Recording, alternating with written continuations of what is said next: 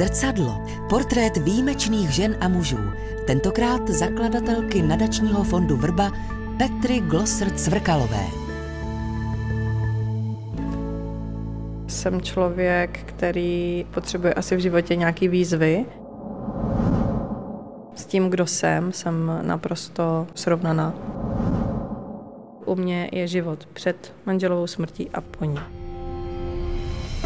Psala texty pro Evu Farnou, měla rodinu a milujícího manžela. Její život se ale ve vteřině změnil. Ovdověla, když jí bylo pouhých 31 let. Nejen, že se dokázala znovu postavit na nohy, ale založila i nadační fond Vrba, který mladým vdovcům a vdovám pomáhá. Proč už se Petra Glosser Cvrkalová nebojí pohledu do zrcadla a jak by se v něm chtěla vidět po letech?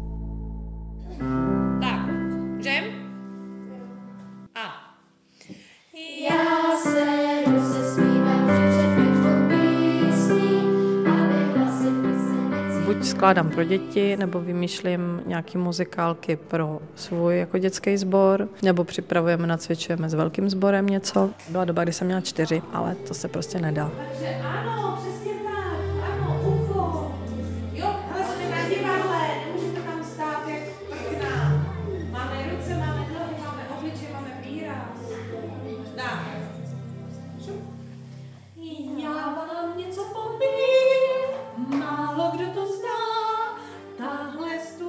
No já to musím vyvažovat, protože vemte si, že každý den já jsem v kontaktu se ztrátou někoho, s tou bolestí. A já kdybych měla jenom toto, a to doopravdy já nejsem v práci 8 hodin, to nelze takovouhle organizaci vést a být v těch rodinách a prostě odkroutit si tu osmičku a jít do domu. Jako pro mě je moje pracovní denní náplň od 10 do 14 hodin. Denodenně odpovídám na maily, denodenně mám prostě příběhy těch reálných lidí, to nejsou čísla.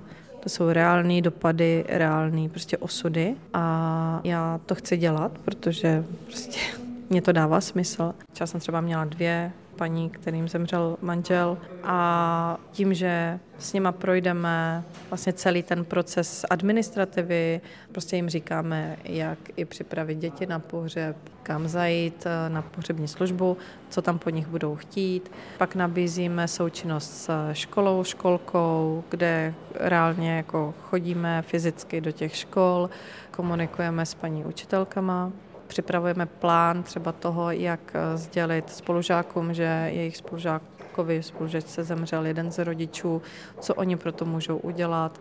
Pak jim nabízíme perlu našich podpůrných projektů a to je setkání pod vrbou, program, o který je největší zájem. Tábory pro naše děti, své pomocné skupiny, máme tři terapeutky, naše děti ani naši klienti nečekají, jak je teď poslední dobou zvykem na terapii díl než 14 dní. A to díky tomu opravdu, že máme prostě externě nasmlouvané ty naše terapeutky. Máme spoustu charitativních akcí, snažíme se pochopitelně nejenom jako natahovat ruku na těch různých krajích a, a MPSV, ale snažíme se nějakým způsobem i naši činnost ukazovat veřejnosti. Volně ke stažení je vlastně na našich stránkách osvětový program Ať víš, co bych doporučila všem, aby se na to podívali, stáhli, vyplnili, zalepili obálku a uschovali. Snažíme se i teď připravovat publikaci pro děti z rodin. Prostě těch činností, které děláme, je spousta. Snažíme se vysvětlovat na MPSV, co reálně nefunguje, co reálně prostě teď v tuto chvíli drhne v tom systému, ať jsou to výplaty důchodů, takže jako neustále se snažíme být činí i jako partneři na té rovině a prostě se snažíme fakt všemi možnými prostředky vrátit ty ovdovělé rodiče zpátky do života s jejich dětmi, aby si ten život prostě uměli užít. Ale prostě tou unikátností u nás je to, že téměř většina z nás, co ve Vrbě jako pracujeme, tak s tou situací má osobní zkušenost, takže jsme jakoby jedna taková své pomocná skupina a někdy se prostě potřebují ty mámy, tátové jenom vypovídat, potřebují prostě prostě vědět, že je na tom někdo stejně a pak z toho potřebuju prostě poradit v právních záležitostech, takže máme na sebe navázané i právní služby. Jako to naše portfolio je velice, velice široké. Tak ještě nějakou ze zpěvníku. Co? My táhneme. tak dobrá, dobrá, dobrá. Je na konci? Na konci zpěvníku, jo? Můžem? A jdem. Kdo lidskou tvář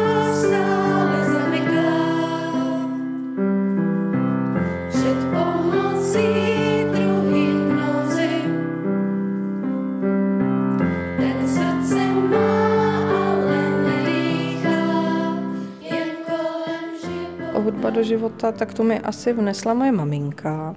Já jsem měla i údajně pěvecky zdatnou babičku a moje máma měla ráda Hanku Zagorovou. Takže my jsme od malička, nebo já jsem vyrůstala na jejich písničkách a hlavně na těch textech. A vždycky jsem si přála jako jí napsat písničku. A v devíti letech jsem eh, začala psát básničky a jakože jsem hrála od pěti let na klavír, takže jsem si k ním jako i jako melodii složila. No a pak jsem teda začala jako od těch devíti let si to takhle jako šuplíkovat a z toho vznikl nějaký jako soubor textů, potažmo písniček. No a v nějakém roce 2004, tuším, mě můj nastávající manžel tehdy ještě vyzval k tomu, ať se někam přihlásím do nějaké soutěže. A u nás v republice jsem nic jako jiného než eh, Czech Zlin Talent eh, nenašla, takže jsem se přihlásila do toho Czech Zlin Talentu, dostala jsem do finále a skončila jsem druhá. A to druhé místo já jsem brala jako první, že jo, to je boží. Můj muž mi potom říkal, že mě vlastně chtěl požádat o ruku, jakože zaplácne ten smutek z toho, že jsem se neumístila, tak měl s sebou i nachystaný prstýnek. A to druhé místo mu vzalo uh, teda tenhle záměr. takže, takže si to nechalo pár dní později. Tak to bylo takové vtipné. Zrcadlo Petry Glosr Cvrkalové. Tehdy v porotě seděl Lešek Bronka, manažer Evy Farné, tehdejší, a oni hledali textaře pro Evu. A poslali nám nějaký demo, tak já jsem ho natextovala, no a pak z toho už potom vznikla spolupráce.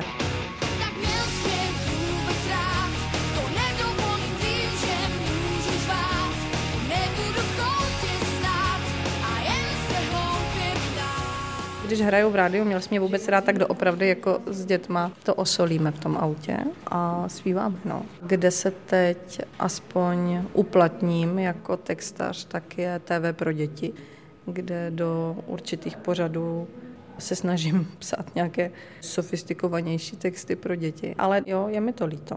Je mi to líto, protože říkám, těch nápadů a těch chvilek k tomu odreagování se mám. Nemám jich hodně, ale mám a já si to většinou, tak jako když mě to napadne, tak si to někam zapíšu a když je k tomu i dobrá hudba, tak to už jde samo.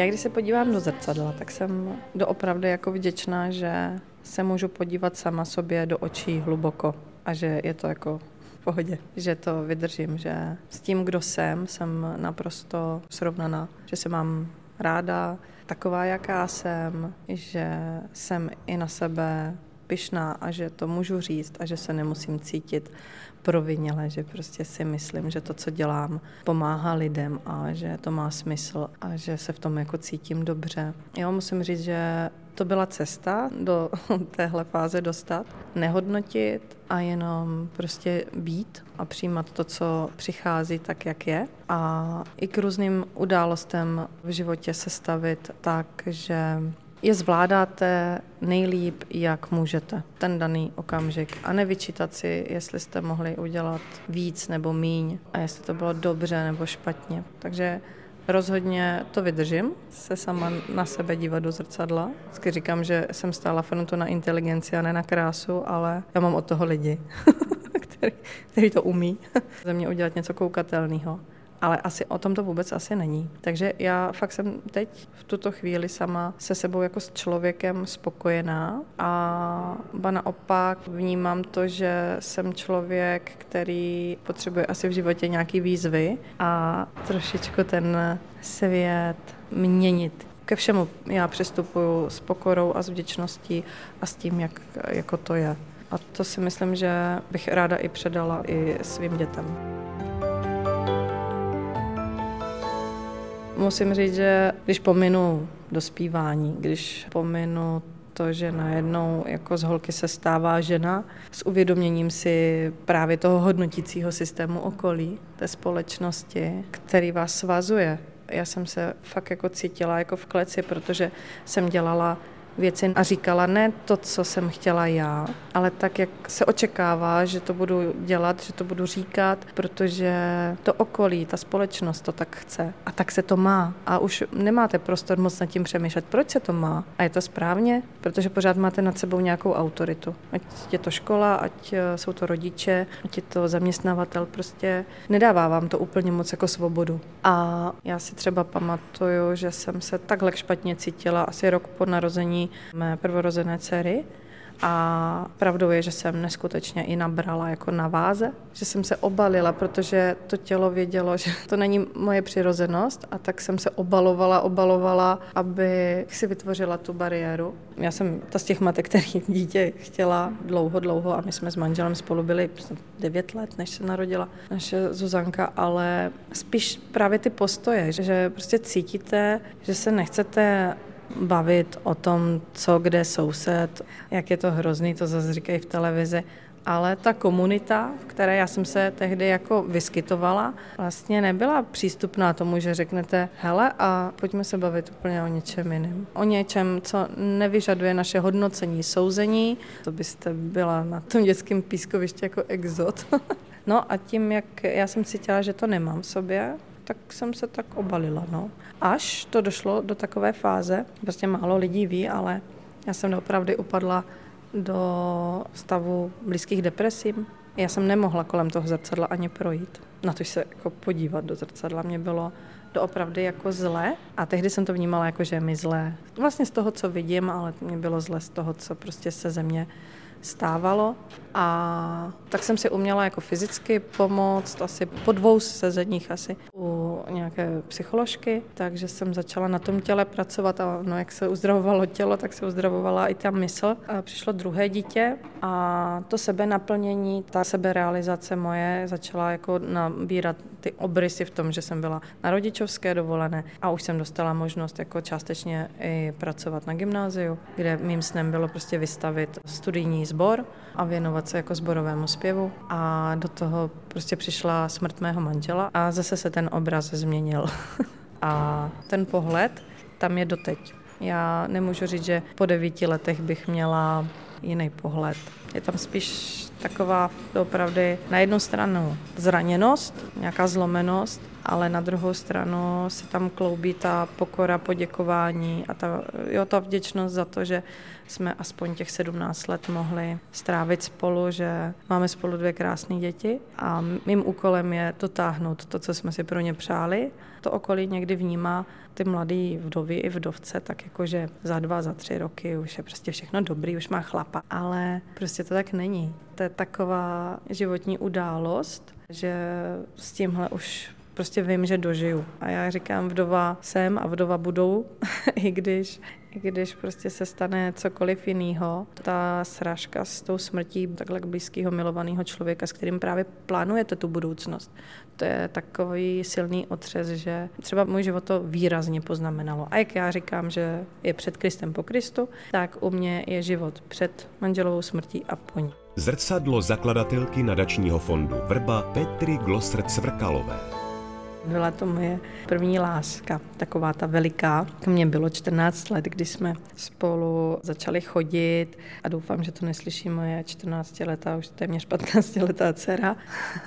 Mně to zpětně dává smysl, dává mi to prostě to, že ten vesmír si to tak přál, pokud eh, jsme byli nějaké zpřízněné duše, tak jsme se měli poznat, co to nejdříve šlo On dlouhou dobu pracoval jako předák šachetní údržby v Uranových dolech a po odfárání vyměnil kilometrové hloubky za výšky.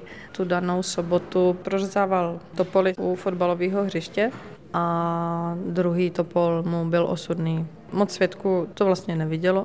Kolega, co s ním tam byl, zrovna byl jako zády a byl na zemi a můj muž byl nahoře a zajištěn všechno, ale prostě ten strom pravděpodobně nebyl v pořádku, takže z nějakých 16,5 metrů volným pádem politrauma hrudníku a hlavy, takže na místě zemřel. Mě volal právě ten kolega, že můj muž spadl On mi nedokázal říct, že už nežije.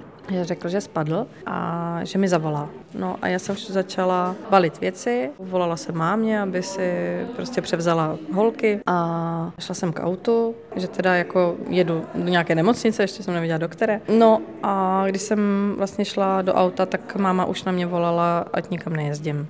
Takže myslím, že taková luxusní scéna, jak z filmu, kdy padnete jako na kolena u toho auta. Asi jsem něco i zakřičela. To byl ten prvotní šok a vzhledem k tomu, že my s mámou bydlíme vedle sebe, tak vím, že mě stáhla jako k ní domů a u té mámy mi to prostě začalo všechno docházet, i s těmi stavy popření, jakože ne já, protože já prostě jsem všechno teda dělala správně ve svém životě a mně se to jako nestává, ať se tohle stává jiným a ne mně. No a pak eh, mě docházelo, že jsem měla kamarádku, které se za sebe vraždil manžel a věděla jsem, co se jim stalo nějak jako s účtem nebo takhle, tak eh, vím, že jsem prostě mě popadla jako ne panika, ale prostě nějaká touha rychlé platby, které odcházely z manželova účtu, jako si převést na svůj účet, aby odcházely z mýho, že měla strach, že se k němu nedostanu. A pak jsem moc chtěla jet na to místo, kde se to stalo. A ono se to zdá, že to je jako dlouhý, ale tohle všechno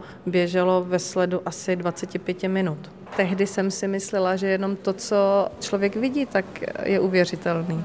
Jsem třeba ten důkaz, že se nespletli, že to prostě jako je on.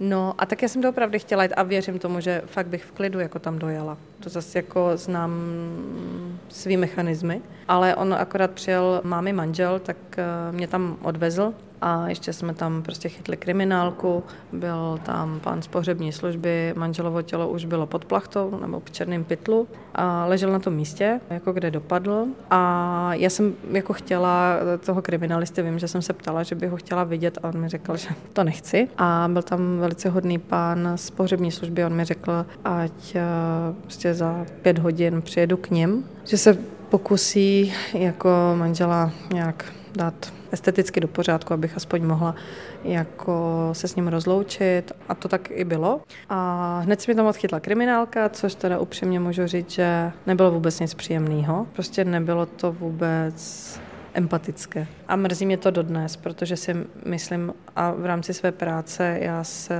s kriminalisty jako setkávám, setkávám se s krizovými interventy a je dobře, že mám tu osobní zkušenost, že je vždycky můžu požádat, aby prostě sdělovali tyhle záležitosti i vedli ty výslechy doopravdy jako citlivě.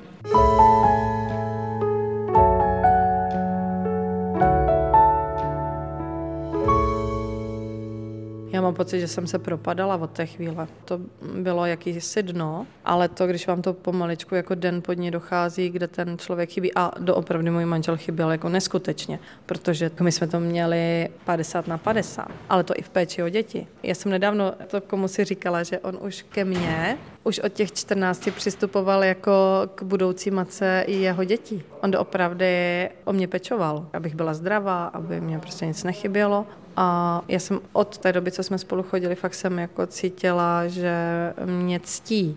On třeba přebaloval, koupali jsme spolu, chodil uspávat, když holky ráno stávaly, tak on za něma chodil. Takže opravdu, když moje malá dcera volala po probuzení tati a přišla jsem tam já, tak to jako bolí. To té dvou a půl leté holce chcete říct, jako, tak smíř se se mnou, protože nic jiného ti nezbývá.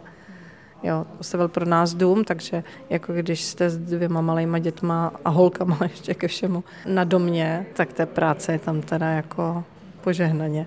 No a moje dcera ještě onemocněla, šla na nějakou operaci asi dva, tři měsíce poté a nevracela se prostě ze sálu v ten čas, kdy mi řekli, tak eh, to bylo jako hodně zlý. To jsem si myslela, že do té chvíle jsem jako na nějakém dnu, ale zjistila jsem, že to jde ještě hníž.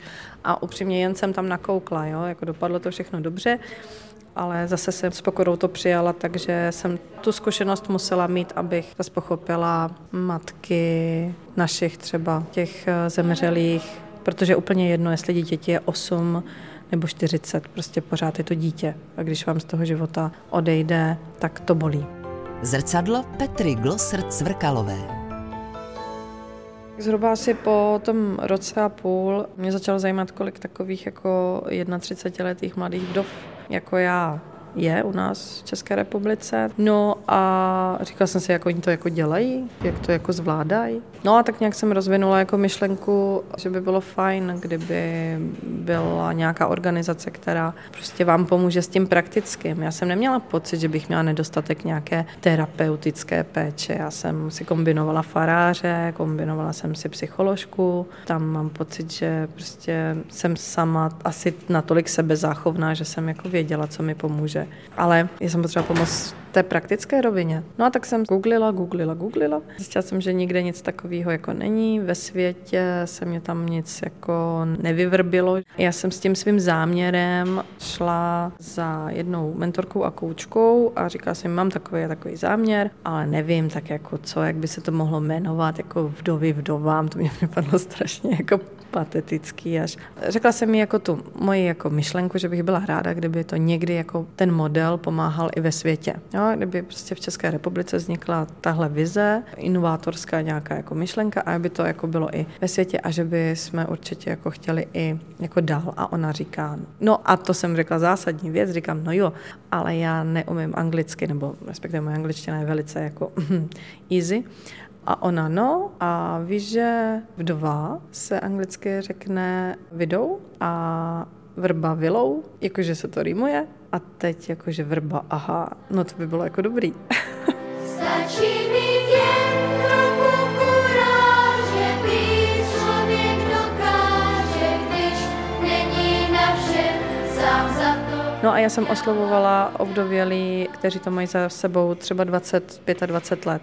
A ptala jsem se nejenom těch vdov a vdovců, ale jako dětí z těch rodin, kde si myslí, že jim mělo být pomoženo a kde si myslí, že třeba by byli teď, kdyby jim bylo pomoženo v té dané oblasti. A na základě toho jsem vlastně postavila tu pomoc praktickou, takže jsme začali řešit řemeslníky, hospodyně, pak ty naše vrběnky, což jsou pečovatelky. O děti právě vykrývají ten čas, kdy maminka je v práci a děti by nemohly chodit na kroužek, takže vyzvednou ze školky, ze školy, převedou na kroužek, počkají, dovedou domů. To je veliká pomoc a v tuto chvíli dokonce i Ministerstvo práce sociálních věcí se jim ten náš model vrběnek natolik líbí, že ho chce zahrnout do novely zákona.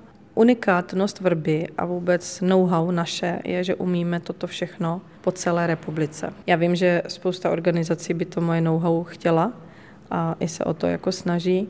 A já do určité míry se s tím podělím, protože si myslím, že vrba nemůže spasit všechny ovdovělí rodiče v naší zemi, ale zas na druhou stranu, kdybych úplně odkryla to, jak je možné, že jsme tak efektivní za tak málo peněz, tak uh, bych si mohla jít hledat práci. Že? můj obraz za 15 let, já to musím spočítat, tak to budu ještě v plném pracovním procesu. Já bych si velice přála, abych dělala to, co dělám doteď. Abych měla kolem sebe tým lidí, který mám teď kolem sebe, aby byli stále naplněni tím posláním a tou nadějí, kterou my předáváme dál. Takže můj obraz teda by měl být spokojená 55-letá paní, která možná už má nějaký vnouče, méně pracuje, čas od času si sedne za ten klavír, něco složí nebo něco předá dál a já jsem zjistila, že mě baví cestovat. Vždycky z těch svých cest přijíždím s obrovskou pokorou a s tou vděčností, že žiju v zemi, v které žiju. protože si vybírám pochopitelně destinace, kde to není úplně tak jako všechno přirozený a zřejmý, že dostanete zdravotní péči zadarmo. A já jenom doufám, že prostě budu vidět za těch 15 let v těch očích pořád chuť pomáhat, chuť být svým blízkým na blízku a nebýt si zahořkla a vyhořela. To je prostě to, co bych tam vidět nechtěla, ale co bych tam chtěla vidět, tak je opravdu jako ta spokojenost a to štěstí z toho života, který mám za sebou a který mám před sebou. Další díly zrcadla najdete na webu Dvojky, v aplikaci Můj rozhlas nebo na dalších podcastových platformách.